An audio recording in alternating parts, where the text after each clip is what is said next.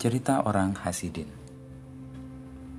Orang-orang Yahudi dari kota kecil di Rusia dengan rindu menantikan kedatangan seorang rabi. Ini akan menjadi peristiwa langka. Maka mereka meluangkan waktu lama untuk mempersiapkan pertanyaan-pertanyaan yang akan mereka ajukan kepada orang suci itu. Ketika rabi itu akhirnya datang dan mereka menyambut dia di balai kota, ia dapat merasakan suasana tegang karena semua siap mendengarkan jawaban-jawaban yang akan disampaikan kepada mereka. Ia tidak berkata apa-apa semula, hanya memandang mata mereka, lalu bersenandung lagu menarik. Segera semua orang ikut bersenandung. Ia mulai bernyanyi, dan mereka bernyanyi bersama dia. Ia melambai dan menari dengan langkah megah dan gagah.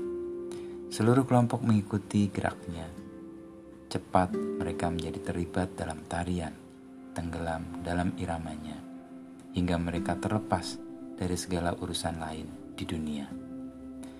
Maka setiap orang dalam kelompok itu menjadi utuh kembali, disembuhkan dari perpecahan di dalam hati yang menahan mereka dari kebenaran. Hampir setengah jam lamanya sebelum tarian perlahan-lahan berhenti.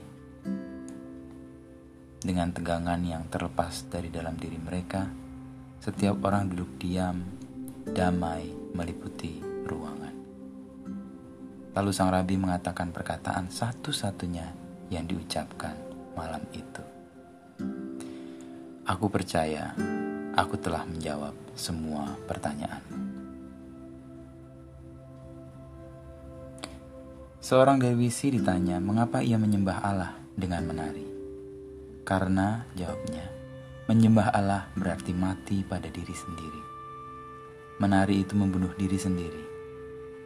Bila diri sendiri itu mati, semua persoalan pun mati bersamanya.